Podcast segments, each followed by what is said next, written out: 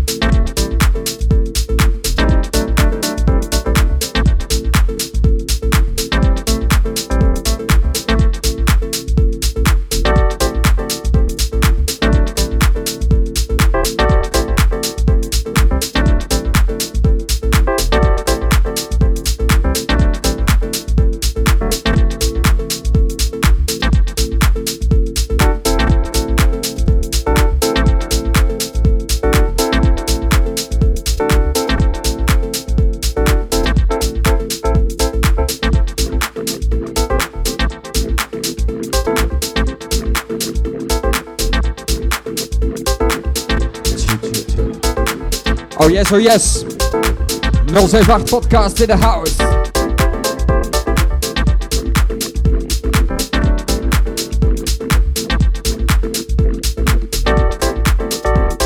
Sounds of the DJ Weird in control.